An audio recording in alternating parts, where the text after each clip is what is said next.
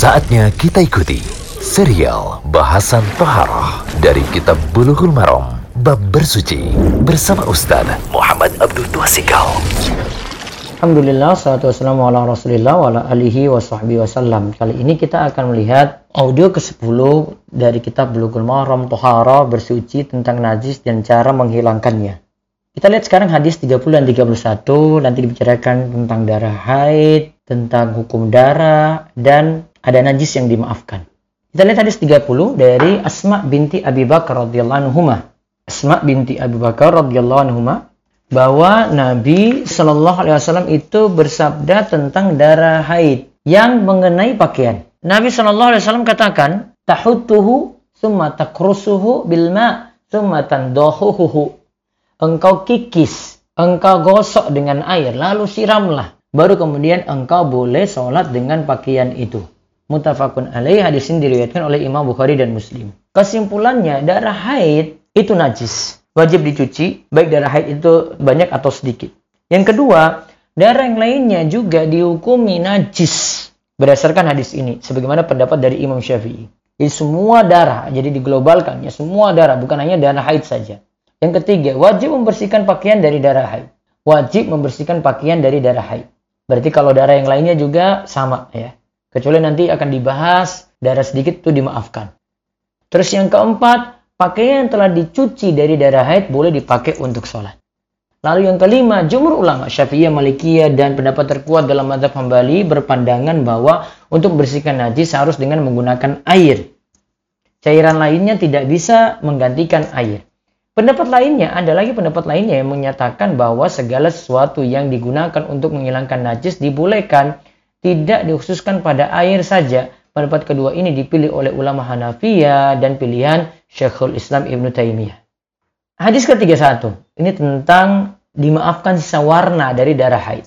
Abu Hurairah radhiyallahu anhu berkata bahwa Khawla itu bertanya, "Wahai Rasulullah, meskipun darah itu tidak hilang?" Beliau menjawab, engkau cukup membersihkannya dengan air dan bekasnya tidak mengapa bagimu. Dikeluarkan oleh Tirmizi dengan sanad yang lemah namun pendapat yang kuat kata Syalbani hadis ini sahih. Faedah hadis, darah yang membekas pada pakaian setelah pakaian yang terkena haid itu benar-benar dicuci itu dimaafkan. Ya, yang dimaksud sini adalah warna darahnya ya. Warna darah yang membekas pada pakaian setelah pakaian terkena haid itu benar-benar dicuci itu dimaafkan. Yang dianggap najis adalah bentuk najisnya. Jadi bentuk darahnya. Kalau warnanya, nah itu dimaafkan kalau masih ada sisa. Yang kedua, darah haid dihilangkan dengan air dan penggosok yang lancip. Artinya benar-benar digosok ya. Kalau dicuci demikian, maka bekas warna yang tersisa tidaklah masalah. Atau dimaafkan. Terus yang ketiga, ada keringanan dalam masalah najis. Karena pembahasan di sini menunjukkan ada pemaafan dari syariat. Maka kita sebutkan di sini ada beberapa bentuk najis yang dimaafkan.